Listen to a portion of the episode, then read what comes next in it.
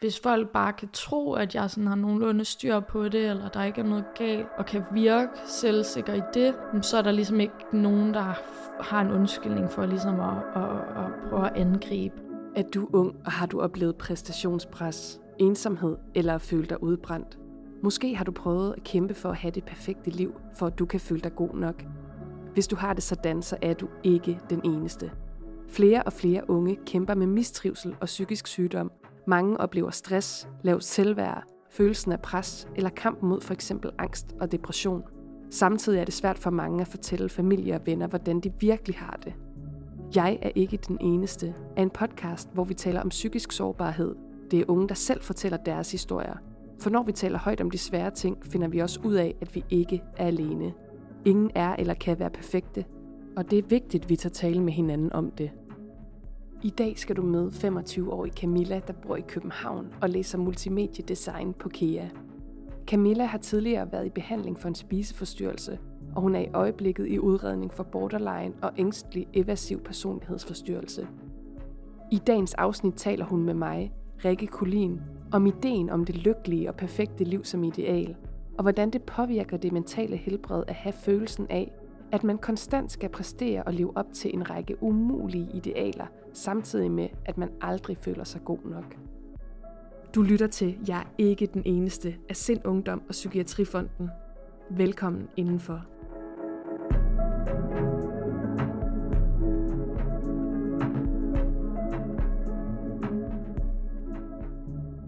Jamen velkommen til Camilla, så sidder vi her og jeg skal jo snakke i dag om øh, det lykkelige og perfekte liv som ideal. Men jeg havde faktisk tænkt mig at gå sådan lige på hårdt med det første spørgsmål, fordi mm. så tror jeg, at vi kan åbne samtalen den vej. Hvad er det lykkelige og perfekte liv? Altså, hvad betyder det overhovedet? Åh, oh, det er faktisk noget, jeg sådan bruger ret meget energi på sådan at tænke over, og har gjort det i mange år også. Jeg tror, at det er for nylig for mig i sådan nu har jeg været igennem noget forskellig behandling i psykiatrien, og jeg tror, at det for nylig har ændret sig for mig. Jeg tror, jeg i mange år søgt det, der jeg troede ville være en lykkelig tilværelse igennem sådan noget som udefra ligesom så godt ud. Og det var sådan noget med at se ud på en bestemt måde og vælge en uddannelse, der kunne lede til en vis karriere, der så succesfuld ud for mig så det rigtig meget, så var det rigtig meget det, jeg målte op på, og var ikke så meget i kontakt med, hvad der føltes rigtigt i maven på mig. Altså det der med at søge lykke, som om det er sådan en permanent øh, sindstemning, eller sådan en state, man kan være i. Jeg tror, at øh, lykke, det er lige så meget en, en sådan følelse, øh, og den er lige så forbigående som alle mulige andre. Og jeg tror heller ikke, at man kan føle sig lykkelig hele tiden, fordi der skal ligesom være en noget modsatrettet. Så jeg tror for mig er det øh, lykkelige sådan liv at gå efter min mavefornemmelse og beskæftige sig med noget, sådan jeg er passioneret omkring. Jeg synes, det er virkelig interessant, du starter med at sige sådan, hvad kan man sige, hele overskriften for episoden, det vil du egentlig godt sætte spørgsmålstegn ved. Og jeg har personligt, og det, altså, det er min mening, det har jeg lyst til at sige, det findes simpelthen ikke. Nej. og jeg har, jeg har det perfekte eksempel, synes jeg selv. For nylig så, så jeg et interview med Jakob Risgaard fra Løvens Hule, mm. øh, som de fleste nok kender, sige, som om det var en selvfølge. Meningen med livet er jo at øh, være lykkelig så mange dage som muligt. Mm. Og jeg kunne bare mærke, at der var noget inde i mig, som sådan krøllede sig helt sammen. Fordi ja. jeg ligesom dig også tidligere har tænkt sådan, da jeg var yngre, så kærester, øh, så når jeg spurgte dem sådan, hvad, hvad er dit mål med livet og sådan noget, så sagde de altid noget, eller om jeg vil gerne huskes. Ja. Jeg vil gerne sætte et aftryk i verden, og jeg kan bare huske, at jeg tænkte, åh, oh, hold da op. Altså, det var da godt nok sådan store mål at sætte for sig selv, ikke? Og så spurgte de jo mig, og så sådan helt henkastet sagde jeg, jeg vil bare gerne være lykkelig. Ja. og så alt det, du beskriver nu, ikke, så tænker ja. jeg, det er da meget, meget mere at sætte op for sig selv, for som du siger, hvad betyder det overhovedet? Hvem bestemmer, hvad lykke er? Det kan vi også komme ind på. Mm.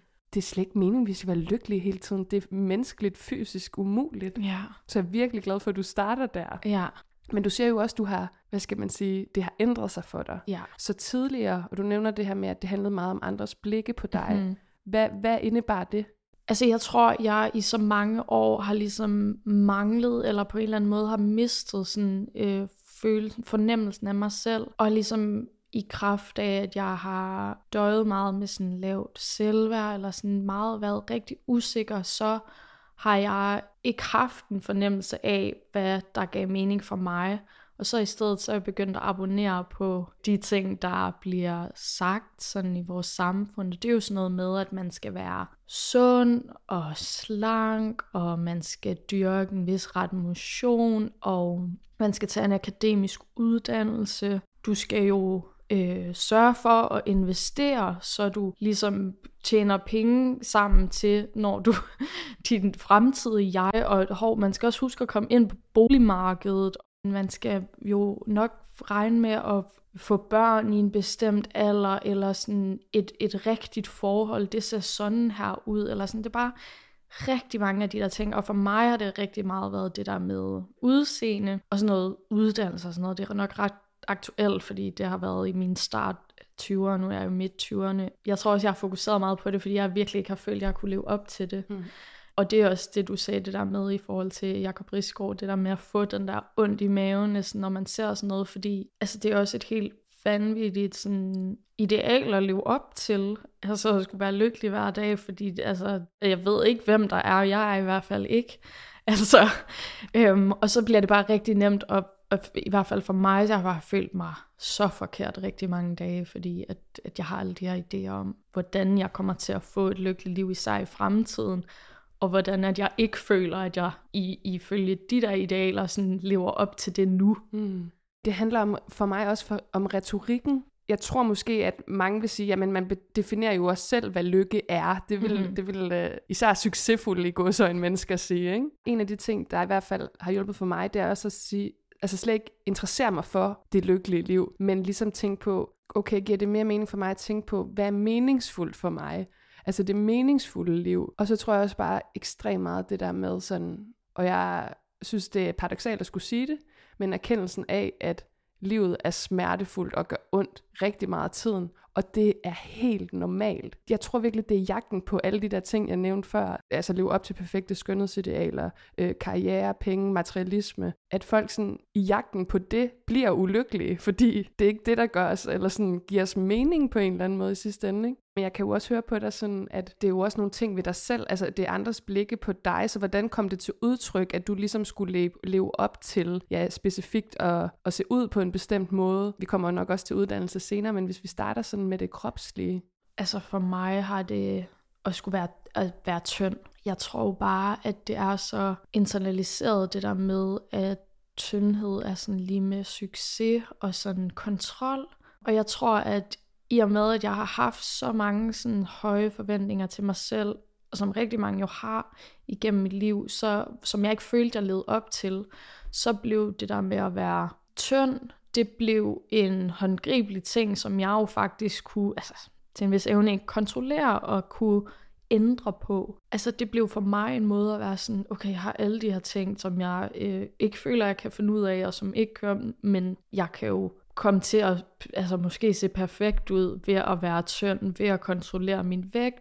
Jeg ville være en løber og brugt så meget energi på at løbe 10, 12, 15 kilometer flere gange om ugen, fordi så var jeg en løber, og så var det noget, man kunne se op til, og det var sådan, jeg fik så meget positiv feedback på de her forskellige ting, som ligesom kunne, tror jeg, distrahere fra den der følelse af, at jeg ikke følte, og jeg kan ikke engang særlig godt nødvendigvis lige at løbe langt overhovedet. Vi har jo begge to haft en spiseforstyrrelse, mm. Jeg var øhm, spillet på ungdomslandsholdet i fodbold, u og da jeg stoppede øh, til fodbold sådan meget bræt, der blev jeg også en løber, selvom jeg havde at løbe, og løb de der 10 km tre gange om ugen. Det var bare helt absurd på en måde, hvordan det blev, samtidig med at det giver så god mening i dag, at det blev jo sådan en, hvad skal man sige, et sted, hvor at der kunne man på en måde slå hjernen fra i de øjeblikke, det var. Men i forhold til selve spiseforstyrrelsen, Hvornår startede den? Kan du sådan spore en årsag tilbage? For det er også nogle gange noget, der måske er lidt svært at få øje på, selvom man er, er langt fra der, hvor, hvor den begyndte. Jeg kan jo huske i folkeskolen, i de små klasser, også var vi som meget unge piger ret fokuseret på vægt ret tidligt. Og det er jo et produkt af de tendenser, det samfund, vi har også forældre, der har været meget opsatte på sådan noget øh, øh, slankekur og sådan nogle ting. Ikke? Men jeg, jeg kan jo huske, det har været altid en del af samtalen, sådan noget med, at man sagde, at man var sådan en lille sådan noget, åh, jeg ej, jeg er lidt tyk, og så skulle de andre sige, nej, det er du ikke, og du ved, det var lige med noget dårligt, det var negativt, ikke? Så det har ligesom været en del, men var ligesom ikke noget, der var på en sådan sygelig øh, niveau. Men da jeg gik i 6. og 7. klasse, der oplevede jeg øh, noget mobning i form af sådan meget udfrysning, og for mig blev det meget sådan et udtryk, jeg tror også ligesom det der med, at nogen sagde, at sådan var en taber og sådan nogle ting. Der endte jeg med at skifte klasse og sådan nogle ting, men jeg tror, at det blev meget håndgribeligt, det der med, at jeg altså som person var ligesom ikke god nok, eller var, altså var ligesom ikke værd at behandle ordentligt, og var grundlæggende forkert. Og der tror jeg ligesom mit ultimative skjold blev sådan, nå jamen det bliver jeg jo nødt til at prøve at skjule. Og hvordan gør man det? Jamen det er måske ved at få et attraktivt ydre. Jeg har virkelig altid set den der spiseforstyrrelse, det at prøve at være tynd som et, et sådan skjold, altså totalt en, en rustning, fordi hvis folk bare kan tro, at jeg sådan har nogenlunde styr på det, eller der ikke er noget galt, og kan virke selvsikker i det, så er der ligesom ikke nogen, der har en undskyldning for ligesom at, at, at prøve at angribe på en eller anden måde. Ikke? Og du har jo allerede været lidt inde på det der med kontrollen. Det er jo også en meget, et meget håndgribeligt sted at kunne kontrollere noget, når der er en masse udkommende faktorer, man ikke kan kontrollere. Jeg kan jo også sige, at vi har jo begge to været i behandling det samme sted i psykiatrien. Øh, jeg blev færdig for fem år siden, så jeg har også min lidt mere på afstand, og jeg havde det, der hedder atypisk bulimi i omkring 10 år. Det er så paradoxalt det der med, at man skal have haft det så skidt, før man ligesom lærer at tænke anderledes om sig selv. Og det synes jeg bare, der er en, det, det, der er en enorm sorg i på en eller anden måde, ikke? at du har været igennem sådan virkelig mange hårde år, og det er jo, ikke, det er jo lige for nylig, du er blevet færdig med, med behandlingen. Så fra den gang, du går der i 6. og 7. klasse, og det ligesom starter til nu, hvad er det så for et liv, du har sådan har, har levet i alle de år med, med den der sådan, det der strikse liv og de her tanker, som har fyldt rigtig meget? Det har virkelig været et liv, hvor jeg bare har søgt at få kontrol, og virkelig har brugt det der med min krop og mit udseende, som på en eller anden måde, hvad jeg følte var mit eneste asset. Jeg fik ligesom konstateret sådan, også en atypisk spiseforstyrrelse, og det er jo når det ikke går direkte ind i den firkantede ramme. Det startede meget ud med sådan anorektiske tendenser med meget restriktivt. Jeg var meget tynd, tabte mig meget, trænet, spiste ikke varme, alle sådan nogle der ting. Og så har det ligesom siden, jeg tror sådan noget 10. klasse, været noget, der har skiftet rigtig meget mellem at være restriktiv, og så har min krop ligesom sagt fra og prøvet, og sådan, altså så har det jo været det overspisninger. Og på et eller andet tidspunkt i slutningen af gymnasiet, så førte de her overspisninger ligesom til øh, opkast jeg blev færdig tilbage, ja, jeg tror et, et års tid siden, så har det været skiftende, meget restriktiv tvangstræn, øh, tvangsmotion, og så til sådan lade helt slippe på kontrollen og overspise og opkastninger og, og så hele møllen om igen. Så det har været øhm, et årti af mit liv, hvor hvordan jeg har haft det med mig selv, har, har været, altså der har været lige lighedstegn mellem det og min vægt. Det er nærmest som sådan et filt slør, der har været over det der, men det var, altså jeg var så overbevist om, at det ligesom var den eneste måde, jeg kunne sådan, vise mit værd på. Jeg er lige på vej til at skal mødes nu med nogle venner til øl. Og fuck, jeg har bare siddet i sådan flere timer og sådan hygget med makeup og taget langt bad.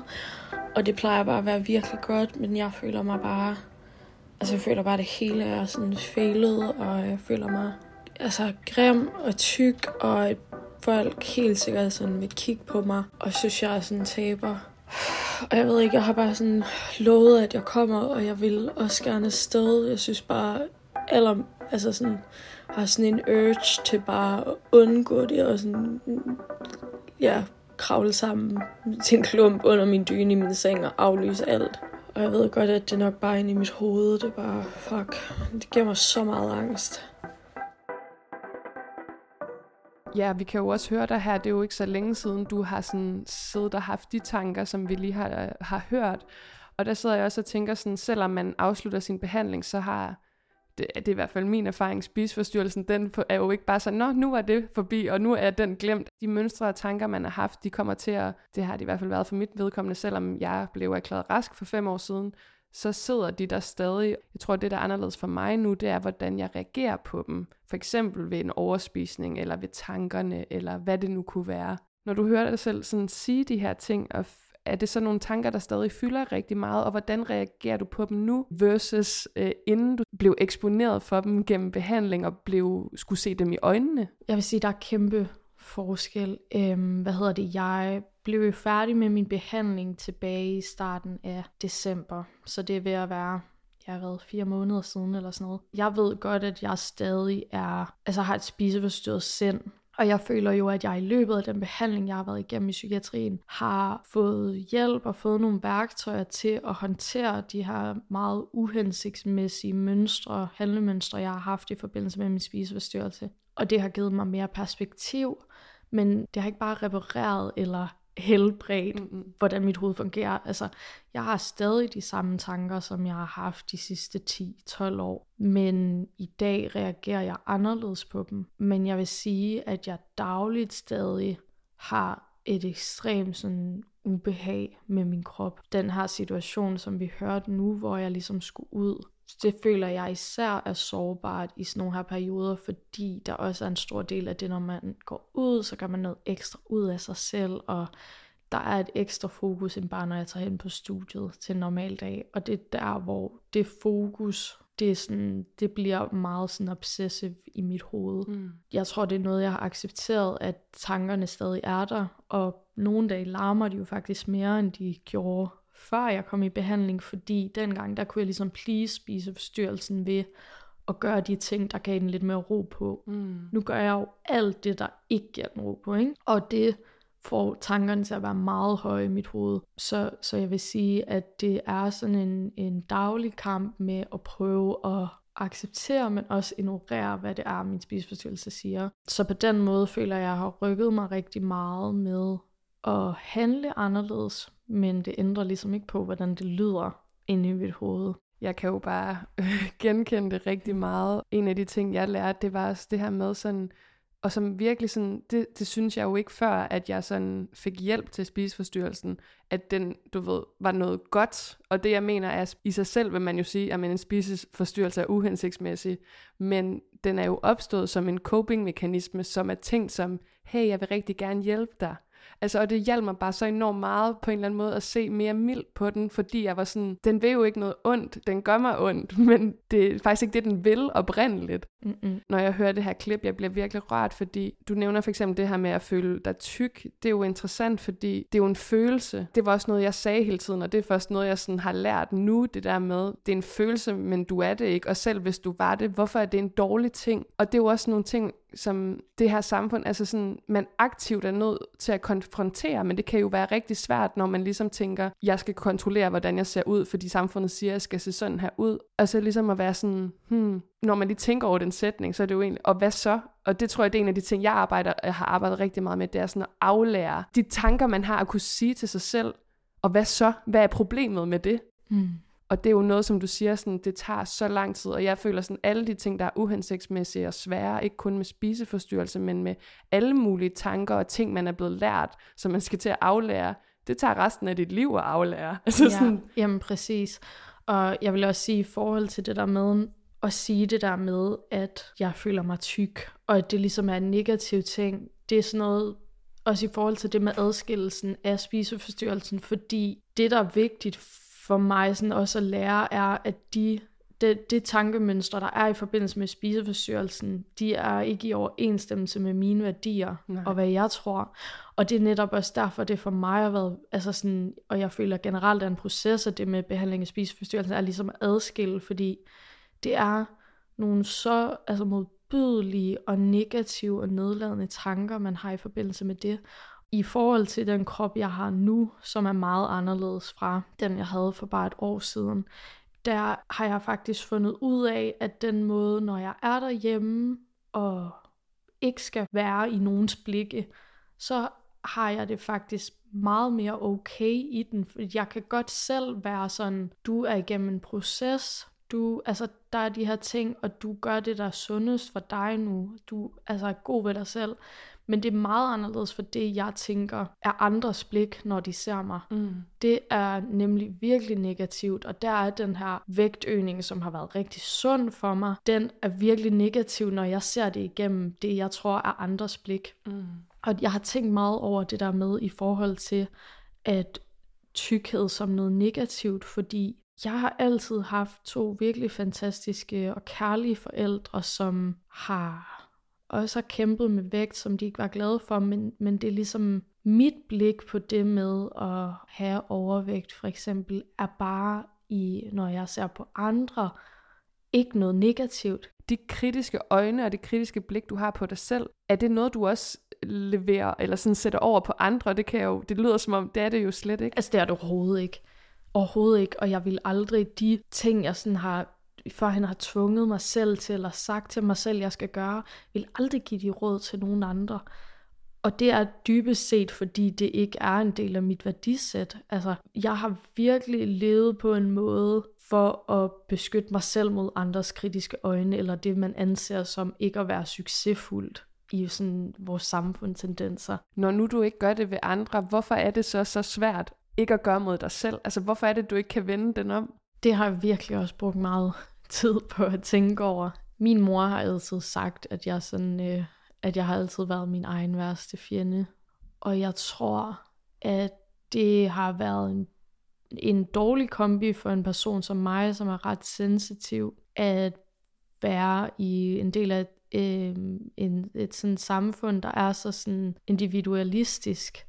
Altså det der ved, hvor man hele tiden, altså en sådan hovedfokus med ens eksistens er nærmest på en eller anden måde at opbygge sig selv, nå et bestemt sted hen. Og jeg tror, at i forhold til andre, når jeg interagerer andre, har andre omkring mig, så er det ligesom med kærligt blik og et blik på sådan fællesskab og familie, og at jeg vil dem det bedste. Men jeg ved ikke, jeg har stadig nok ikke fundet ud af, hvorfor det ikke gælder for mig selv.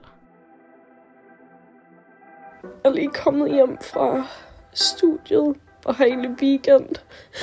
Oh, de sidste par dage har bare været så angstfyldte. Og der har egentlig bare ikke været nogen grund til det, men det har bare været så sådan fysisk i min krop, og sådan vildere tanker. Jeg blev bare nødt til at tage hen på skolen i dag, fordi vi skulle fremlægge eller pitche vores gruppearbejde. Så jeg er jo tvunget til at komme afsted de her dage. Men det er jo også bare sådan, at så græder jeg fem gange, altså sådan, altså begynder jeg at græde fem gange i løbet af sådan en dag, hvor det bare sådan, altså vælter ud, uden nogen grund. Det er bare så røvsygt, og skal sådan, folk er jo mega søde og sådan noget, men jeg synes bare, det er bare fucking hårdt, og skal sådan, for jeg kan jo godt lave det der pitch, og jeg kan jo godt, det er bare så irriterende, når jeg sådan skal begynde at græde over for folk, men i det hele, fordi jeg bare ikke har noget at give af. Jeg blev virkelig rørt, når jeg hører det, også fordi jeg har arbejdet meget med i en anden podcast, at normalisere, at vi græder meget. Ikke? Du siger det her med, sådan, det er træls at skulle græde over for dem, man er i, øh, i gruppe med på studiet, at de skal se en grad, så vender vi jo også tilbage til det her på en eller anden måde med sådan, hvorfor er det et problem? Det er jo lige så meget et fuldstændig normalt udgangspunkt, som at være kom glad i skole, fordi hvis du har en dårlig dag eller har det svært, så er du ked af det. Kan du ikke sætte nogle ord på sådan, hvilke tanker der er i det der med at skulle i godsøjne tabe ansigt over for andre ved ikke at være glad og smilende. Fordi jeg tænker, det jo også vender tilbage til det, vi startede med at tale om, med at sådan, øh, meningen med livet er at være så lykkelig som muligt, hvor sådan, hvis vi afskriver den sætning og siger, at det er ikke meningen, meningen er at være her og se, hvad der sker. hvorfor, er, hvorfor er det så, at det stadig for dig er sådan, måske ikke pinligt, jeg ved ikke, om det er det rigtige ord, men svært at være sårbar over for, for andre? For mig, der handler det om, øh, der handler det igen om kontrol. Det handler om det der med at styre, hvordan jeg udadtil virker på folk, og hvordan de opfatter mig. Og det er jo det der med, at øh, jamen, hvis jeg viser sårbarhed på den måde, så bliver der ligesom åbnet op for noget, hvor at jeg kan blive rigtig såret. Og det er jo sjovt, fordi i virkeligheden så tror jeg egentlig bare, at de, altså det vil jeg jo også selv være helt okay med den her reaktion, men i virkeligheden så ender jeg jo med at skade mig selv mere ved at slå mig selv oven i hovedet med det. Men jeg tror simpelthen for mig, at det er det der med kontrol, Og det handler også om, at jeg tror, når jeg er det her sted, som jeg var i det her klip, så er det også noget med, at jeg tænker sådan, helt ærligt seriøst, hvordan skal du nogensinde kunne være på en arbejdsplads, hvis du ikke kan møde op en almindelig dag, og så ikke lade være med at græde, eller altså, du har ikke noget at være ked af, hvad, altså sådan, det bliver ikke bare en dag, hvor jeg er sårbar, fordi jeg har været presset og er træt. Det bliver et udtryk for, hvem jeg er som person, og hvad jeg sådan, hvordan skal jeg nogensinde helt ærligt kunne præstere noget, når jeg skal begynde at græde. Det er ligesom et, et tegn på svaghed, som måske ikke er så velkommen generelt, måske også i professional settings. Men jeg må også indrømme, at jeg kan jo heller ikke lide at græde så meget over for mine venner og veninder. Jeg er meget god til at tale om det efterfølgende. Det er jeg meget åben over, men det er jo også, fordi jeg igen er i kontrol. Jeg tror, at det handler om, at vi desværre kommer til at putte skam over på andre, over at have helt menneskelige følelser. Mm jeg ved ikke, jeg tror, at øh, jeg helt generelt, at det er sådan meget tema i mit liv, føler rigtig meget skam generelt over mig selv. I sidste uge, der var jeg til sådan et indledende samtale til mit nye behandlingssted i psykiatrien, og blev ligesom vurderet til at opfylde kriterierne for både ængstelig evasiv personlighedsforstyrrelse og borderline personlighedsforstyrrelse. Og jeg har jo haft det, altså sådan, det er ikke første gang, det er blevet nævnt, men det var bare voldsomt. Og jeg har bare sådan en generel følelse af, at jeg jo formentlig ikke kan stole på mine egne følelser eller min egen sådan... Jeg har bare følt mig så irritabel og så vred. Men på en eller anden måde har jeg, ved jeg jo godt, at det Altså, det kan jeg overhovedet ikke lytte til. Eller sådan, nogle gange føles det, som om jeg sådan kun lever underbaseret på, hvordan andre reagerer omkring mig. Fordi jeg bare er så forkert. Som vi lige hørte her, så er jeg i gang med udredning af sådan personlighedsforstyrrelse. Og det, det at have en personlighedsforstyrrelse jo indebærer, det er, at altså, i mit tilfælde, hvor jeg var lige til noget indledende samtale, og blev ligesom vurderet til at have det her, øhm, både at leve op til øh, sådan kriterierne for emotionel ustabil personlighedsforstyrrelse, altså borderline, og ængstelig evasiv personlighedsforstyrrelse. Og det der er, er med de her, for eksempel som, som borderline, er det der med, at man har meget voldsomme følelser. Altså det er sådan, det er yderpunkterne, og det kan en tendens til at være meget sort-hvidt. Og jeg tror, for mig har det spillet en rigtig stor rolle, det der med, at hvordan jeg grundlæggende fungerer som, som regel ret uhensigtsmæssigt, men har meget voldsomme følelser, at det ligesom ikke passer så godt ind i den verden, vi lever i. Det er ikke så acceptabelt at være i sin følelsesvold, og, og det er ikke så acceptabelt heller at vise for meget sårbarhed, eller sådan, det er jo også oplevet mange gange, at folk kan være en, enormt sympatiske, men folk bliver som regel også ret ubekvemte, både ved, hvis man udtrykker vrede, eller hvis man udtrykker at være ked af det. Og jeg tror ligesom jeg igennem mit liv har erfaret rigtig meget, hvordan det ligesom ikke er sådan, så acceptabelt, eller den måde at interagere med andre på. Så jeg tror for mig er der blevet lagt rigtig meget skam over på det at vise følelser og vise sårbarhed, at jeg på en eller anden måde så er det også det der med at gå i ekstremerne. Jeg har prøvet at lukke rigtig meget ned for det. Og nu sidder du jo så her og taler rigtig meget om det, gør det helt modsatte. Hvor er, ja, jeg har faktisk lyst til at sige, energien til det kommet fra? Fordi når du nu har haft det så svært og har været så optaget af, af de her øh, ting ved dig selv, der skulle være perfekte, hvordan kan du så gå fra det til at sidde her og sådan ture og snakke om de her ting? Det er ved at være to år siden, hvor jeg kom ud af et forhold, hvor jeg bare havde det rigtig skidt. Der var sådan, min spiseforstyrrelse tog virkelig til, og jeg, fordi jeg var altså heartbroken, og jeg var ja, al min familie bor i Nordjylland, boede her i København, der havde været corona, havde ikke så mange relationer, alt det ligesom sejlede. Og så i og med, at jeg havde så altså, voldsomme følelser og sådan noget, jeg havde det rigtig skidt, og jeg var rigtig ensom. Så jeg tror for mig kom det til et punkt det der med, hvor at jeg hungrede så meget efter at høre, at der var nogen, der kunne genkende, hvordan jeg havde det. Jeg tog nogle, sådan, tog nogle beslutninger i forhold til at engagere mig i forhold til sådan noget med at tale åbent om psykisk sygdom. Øhm, fordi jeg også tror, at de fleste, der kender mig, havde ikke rigtig nogen idé om, hvad jeg kæmpede med, og heller ikke, måske i hvert fald ikke omfanget af det. Jeg tror, at jeg tænkte, at hvis jeg kunne prøve at tale højt om det og stå ved det, så kunne det også være, at jeg kunne lære at, at høre, at andre forhåbentlig accepterede det, så kunne det også være, at jeg kunne lære det selv. Og det har gjort en enorm forskel for mig, fordi det kan godt være, at det er ret nervepirrende at sidde her og, og, og være så sårbar og sådan nogle ting. Men jeg har, jeg har virkelig fundet ud af, at gevinsten er meget højere i forhold til, at det er jo mig, der så sidder og siger de her ting, og står ved det. Og så hjælper det mig ligesom i at acceptere, sådan, det, altså, det er okay, og at så i det mindste, så kan jeg bruge det til noget konstruktivt. Tænker du ikke også med det, at det jo er med til at flytte det her sådan ideen om det lykkelige og perfekte liv, fordi det netop er en illusion. Jo, helt klart. Altså jeg tror, at det med at, at, at tale højt om det, og acceptere det hos mig selv, det, det gør jo også, at jeg inviterer andre til også at være ærlige om det.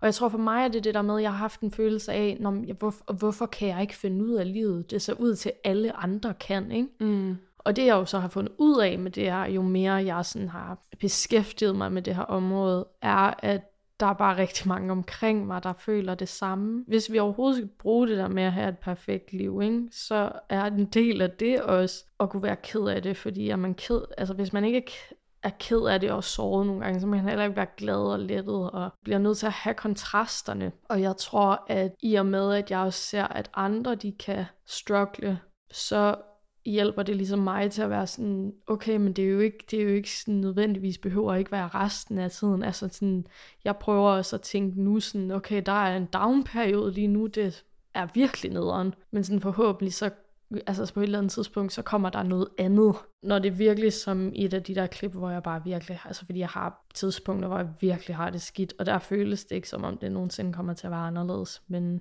der prøver jeg ligesom at huske det der med, at sådan, Nå ja, det her det er jo en del af, at det også kan føles godt. Jeg kommer aldrig til at være i en situation, hvor jeg synes, jeg lever op til det ideal af, at mit liv er perfekt. Selv hvis jeg får alle de andre sådan, områder omkring, og kommer til at, hvis jeg prøver at se perfekt ud, eller får det her job eller sådan noget, jeg kommer, det kommer jo stadig aldrig til at gå ud af en lige linje, så at fjerne det pres og være sådan, nej, men sådan her skal det være. Det har hjulpet mig i hvert fald. Hvis man på en eller anden måde kan sige, gå af helvede til med det perfekte, så ligger det jo, altså så tager det også bare så meget pres fra alle skuldre, hvis det var ligesom noget, vi kollektivt sammen kunne arbejde hen imod. Jeg synes på mange måder, det er så utrolig ærgerligt også, at hvis alle skulle leve op til det samme, det er jo sådan en monokultur. Det fjerner alt det, der er fantastisk ved mennesker, hvor forskellige vi er. Altså den der idé om, sådan alle skal have en lang uddannelse, alle skal have 12 eller alle skal have, altså det er jo sådan en eller anden mærkelig form for perfekt The Sims-verden, øh, ved, sådan, eller den perfekte, hvis nogen nogensinde har spillet Rollercoaster Tycoon, rutsjebane, hvor ingen kaster op. Den er faktisk svær at lave. det er som om at tage menneskeligheden fra os. Og jeg tænker også sådan, hvem er det, det gavner? Jamen, det er jo også folk, der sådan er meget magtfulde, øh, og som er på toppen af samfundet, som kan sige, I skal bare alle sammen stræbe efter det her, og så kan, du ved, så kan vi alle sammen sådan stræbe efter at optimere os selv, så er der slet ikke tid og plads til at være dit rigtige selv på en eller anden måde, ikke? Og det er jo sådan, altså så ærgerligt, så jeg bare sådan lyst til at sådan råbe, at fuck, du ved, perfekthed, og jeg hader faktisk det udtryk. Altså, det gør jeg virkelig. Det fordi, gør jeg virkelig Hvad også. fanden betyder det? Hvem bestemmer, hvad det betyder, ikke? Jo. Og hvem har bildet os ind, at vi ikke må være vrede eller kede af det? Jeg kan faktisk blive sådan, at jeg bliver vred over det. Det er jo faktisk noget, jeg for nylig snakkede med en veninde om, det der med sådan, at vi kom til at snakke om det der med, hvordan hvad vi ser i sådan øh, øh, veninder eller kammerater eller sådan vores dem man omgiver sig med.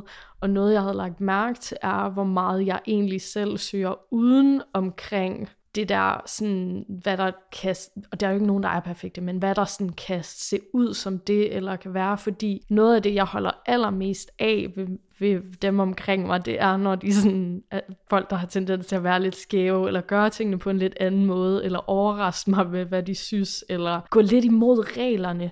Jeg tror i virkeligheden også, jeg er i sådan helt naturligt har meget et lidt en tendens til sådan at, at sige lidt fuck til, hvordan når nogen sætter nogle regler op, eller sådan underviser, det skal være på en bestemt måde, så vil jeg gerne lave opgaven anderledes. Ikke? Og der tror jeg, at det der med sådan at komme i kontakt med det, jeg tror også, jeg prøver at kigge, når, når jeg kigger rundt og sådan, jeg synes, det er fedt ved folk, måske gælder det også mig. Hvis folk er perfekte, så kan man jo fuldstændig forudsige, hvad de vil gøre og sige, og det er jo bare virkelig kedeligt og inspirationsløst i virkeligheden. Og, og det er, som du siger, sådan, det vi elsker ved, det jeg i hvert fald elsker ved mine venner og, og folk, jeg kender, og sådan, det er jo det, der gør dem til dem. Samtidig så tænker jeg sådan, det har du talt meget om flere gange, det her med andres blikke det er jo også bare den verden, vi lever i, ligger jo op til andres blikke på os. Der er hele tiden, altså i uddannelsessystemet, der er der jo karakterer, altså der skal vores performance, vores præstation, det samme på arbejdsmarkedet. I vores fritid har vi sociale medier, hvor vi jo helst skal være tilgængelige hele tiden for alle, og hvor folk kan se, hvordan vores liv skal se ud. Så vi lever jo også i en verden, hvor vi konstant er tvunget til at forholde os til andres syn på os. Man kan aldrig helt adskille sig fra andres blikke, men jeg kan godt lide, og det er noget, jeg har gjort i mange år, det er den der, jamen, hvis jeg var usynlig, hvad vil, altså, hvordan vil jeg så gå rundt, og hvordan vil jeg se ud, og hvad vil jeg gøre, og hvordan vil jeg opføre mig. Og den, det er faktisk noget, jeg bruger til hverdag, når jeg går ud. Altså jeg lader, øh, forstår mig ret, når jeg siger, jeg lader, som om jeg er usynlig. Jeg lever mit liv efter, at andre principielt ikke vil kunne se mig. Har du sådan nogle ting, som du sådan, med din bevidsthed om de her ting, og især også med dine samtaler med dine venner, er noget, du tænker sådan, det her vil jeg gerne praktisere mere, og hvordan gør du det? Jeg synes, den er rigtig god forresten, den der med at være sådan, hvis jeg var usynlig, hvad ville jeg gøre? Det er det samme, jeg øver mig rigtig meget på, det der med, fordi jeg tror, en stor del af min sådan, smerte er det der med ikke at føle, at jeg kan leve op til, hvad jeg tror, andre gerne vil se, eller sådan så det kæmper jeg rigtig meget med at komme væk fra. En af mine, sådan, der er lidt i tråd med det, er, at jeg siger til mig selv sådan, vi skal alle sammen dø, og det lyder meget dystert, men sådan, i princippet kunne der gå et par år, og så var jeg her ikke mere, sådan, så hvad er det, jeg gerne vil? Jeg prøver ligesom sådan at, at sådan sætte tingene i perspektiv for sådan, lige nu og her, hvad er det, jeg gerne vil? Hvad synes jeg giver mig værdi, og hvad er vigtigt?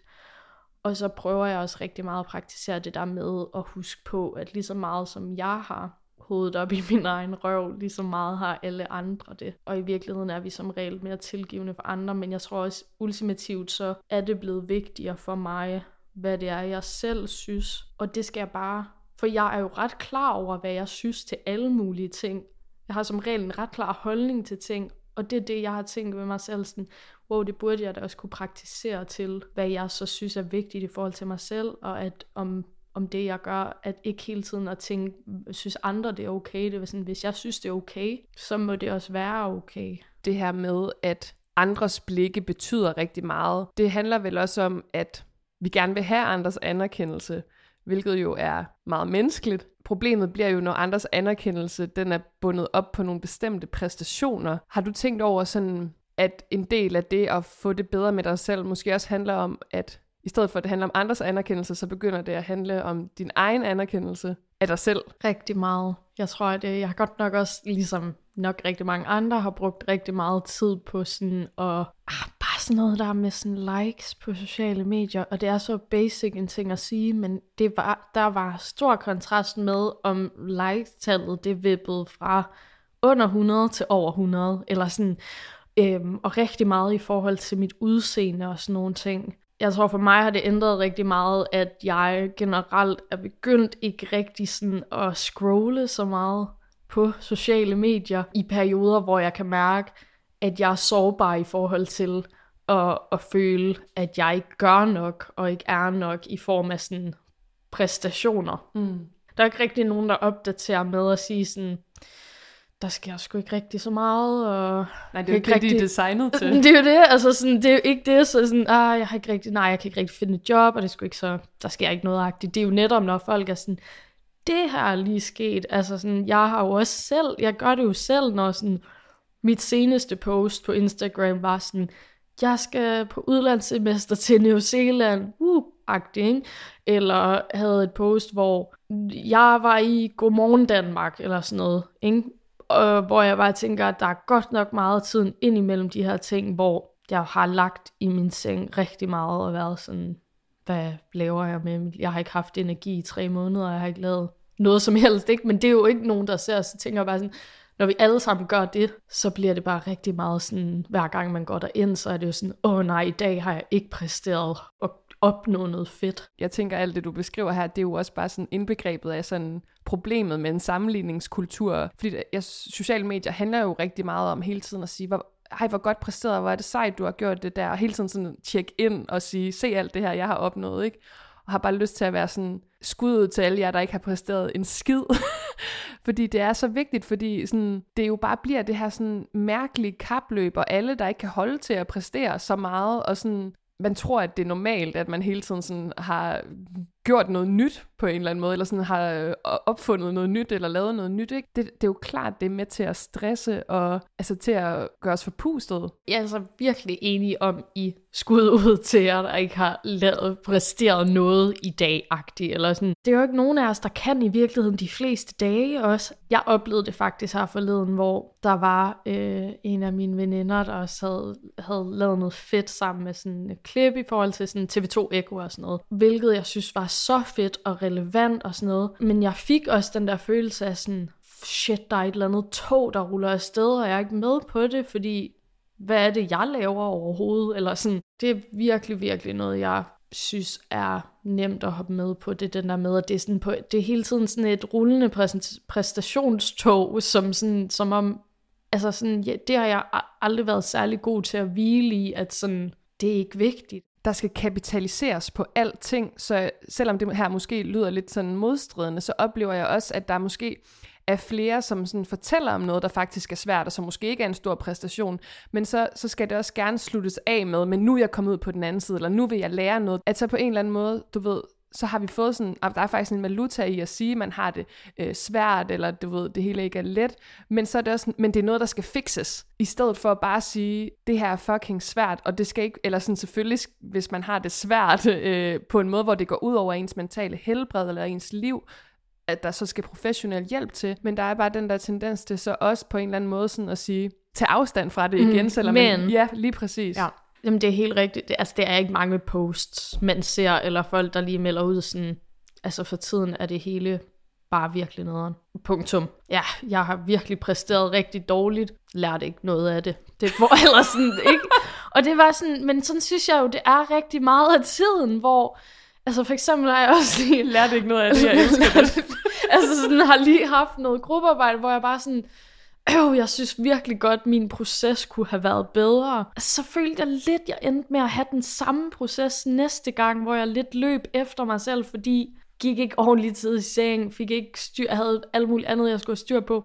Det melder man jo ligesom ikke ud, det der med, når man ikke lærer noget af noget. Men jeg synes rigtig meget af ens liv er jo sådan, begår man fejl 10 gange før måske sådan, hey, måske egentlig skulle gøre noget andet. Det mangler vi lidt. Jeg tror i virkeligheden, at det, der gør rigtig mange mennesker ulykkelige, det er det der med at skal forholde sig til så meget til sig selv, og at det der med, at alt, hvordan ens liv udfolder sig, hvem man er, hvor meget succes man opnår, alt er ens eget ansvar, det er bare på en eller anden måde så umenneskelige høje krav, når hele ens liv i virkeligheden afhænger af ydre omstændigheder størstedelen af tiden. Jeg tror virkelig ikke, vi bliver særlig glade, eller nu siger lykkelig igen, eller sådan det der med at skal forholde os selv, til os selv så meget. Hvis man kunne træde et par skridt ud, væk fra sig selv, og få lidt mere perspektiv på tingene, og måske i virkeligheden det der med at eksistere mere i kraft af et andet formål end ens egen selvoptimering. Ja, og også forstå, at man er en del af noget større, altså netop som fra den her hyperindividualisering til det mere fællesskabsorienterede, ikke? Fordi i kraft af den hyperindividualisering, der finder sted i vores samfund, det der med, du skal klare dig selv, du skal igennem det her, du skal optimere dig selv, også kommer væk fra at se på, hvordan er rammerne for vores fællesskab og vores fælles liv, og så bliver det ikke så vigtigt at optimere, eller lave dem om og sige, de her strukturer er umenneskelige, de her strukturer er ikke indrettet til mennesker, og så glemme det, og så i stedet for at være sådan, men hvis du bare ændrer dig, hvis du bare selv optimerer dig selv, så bliver det helt godt. Så ender man også bare sådan ja, netop med at overtænke og, som du siger, tænke alt for meget på sig selv, som jo ingen kan holde til på den måde. Fuldstændig, og jeg tror også i virkeligheden, så er det, bliver det jo også et umuligt mål, fordi en person kan jo ikke ændre hele verden. Og det er jo det der med, hvor, altså hvis formålet bliver den der selvoptimering, hvad er det for en skala, man måler op mod? Hvorimod hvis man var måske en del af noget sammen med andre, så så er det jo det der med at bære et fælles ansvar. Jeg tror også, det er derfor, der er mange sådan, altså nogle folk finder mere ro i det der med at skabe en familie og blive forældre, fordi lige pludselig så flytter ens øhm, fokus sig fra ens selv, og man bliver en del af en enhed, hvor man ligesom skal tage sig af nogle andre. Det bliver på en eller anden måde et større formål med at give nogen de bedste vilkår, som så er ens børn. Ikke? Men det er bare ikke særlig tit, vi støder på de her ting, slet ikke inden man måske skaber en familie, fordi det er uddannelsessystemet, det er arbejde, det er hele vejen sådan, at det er ens egen sådan selvpromovering. Og det tror jeg, altså, det tror jeg virkelig ikke er særlig sundt for nogen af os. Det er jo et kæmpe emne, og det er noget, der optager dig og, sådan, og rigtig mange andre, tror jeg også. Men i forhold til, hvor du er sådan lige nu, og det er også en vigtig fortælling med den her podcast, og jeg synes også, du selv har sagt det mange gange i dag, det er ikke sådan en, så klarede jeg det her, og nu er jeg ude på den anden side. Men hvis du sådan her til sidst lige, lige nu i forhold til det her med at skulle finde dig tilpas i verden, og med det mener jeg også at kunne være ked af det, og kunne have det svært, og kunne have dårlige dage, og kunne græde på studiet. Hvor er du så lige nu i den proces med at acceptere? Jeg tror, jeg er i den situation, ligesom jeg sagde med spiseforstyrrelsen, altså det gælder hele mit liv, at jeg er begyndt at handle anderledes, men, men tankerne er der ikke. Altså jeg sidder jo her i dag for eksempel og snakker med dig, og er meget ærlig omkring nogle ting, og ligesom også bliver ved med at sige det, jeg mener i forhold til, at jeg vil gøre, som jeg synes er bedst. Jeg vil prøve at leve på den måde,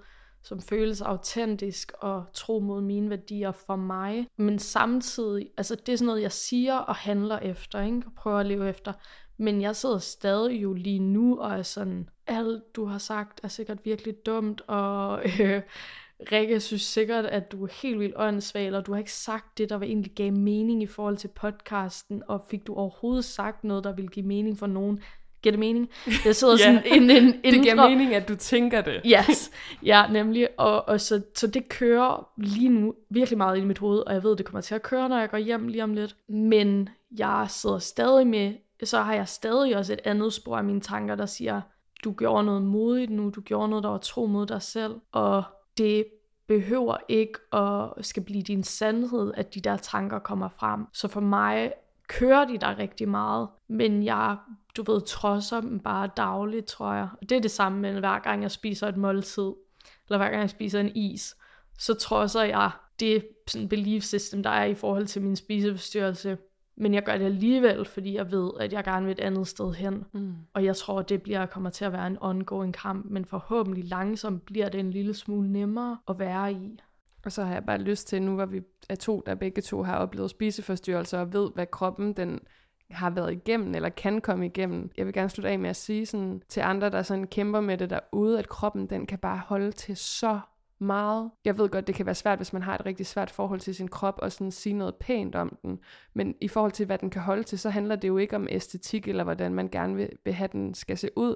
Og det er også en af de ting, der har hjulpet for mig, det er at se på min krops funktioner, frem for dens æstetik, og bare være så taknemmelig for, hvad jeg har fået den til at gå igennem, og hvordan den så alligevel har passet på mig. Så jeg tænker bare sådan, og jeg ved ikke, om, om det er også en af de ting, du trøster dig med, at sådan, de måder, du har reageret på, selvom man vil sige, de var uhensigtsmæssige, sådan ren klinisk, så har de vel også på en måde været hensigtsmæssige, fordi det har faktisk handlet om at beskytte dig selv i en virkelig svær situation. Det har givet mig rigtig meget at prøve at tænke, som det du også nævnte på min krop på den måde, og mine reaktionsmønstre, som du også nævnte på et tidspunkt.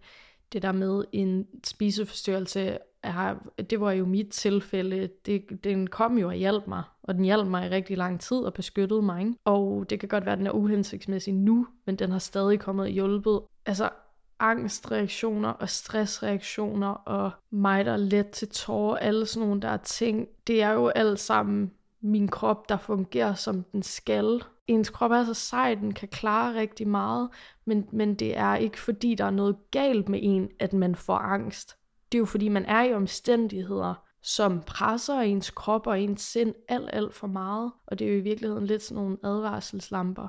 Så det der med, at jeg har prøvet at i stedet for at overdøve dem og blive sur på mig selv over sådan, hvorfor reagerer jeg sådan her, så prøver jeg at være sådan, okay, prøv at lytte til dem og være sådan, gud, måske skal jeg gøre noget anderledes.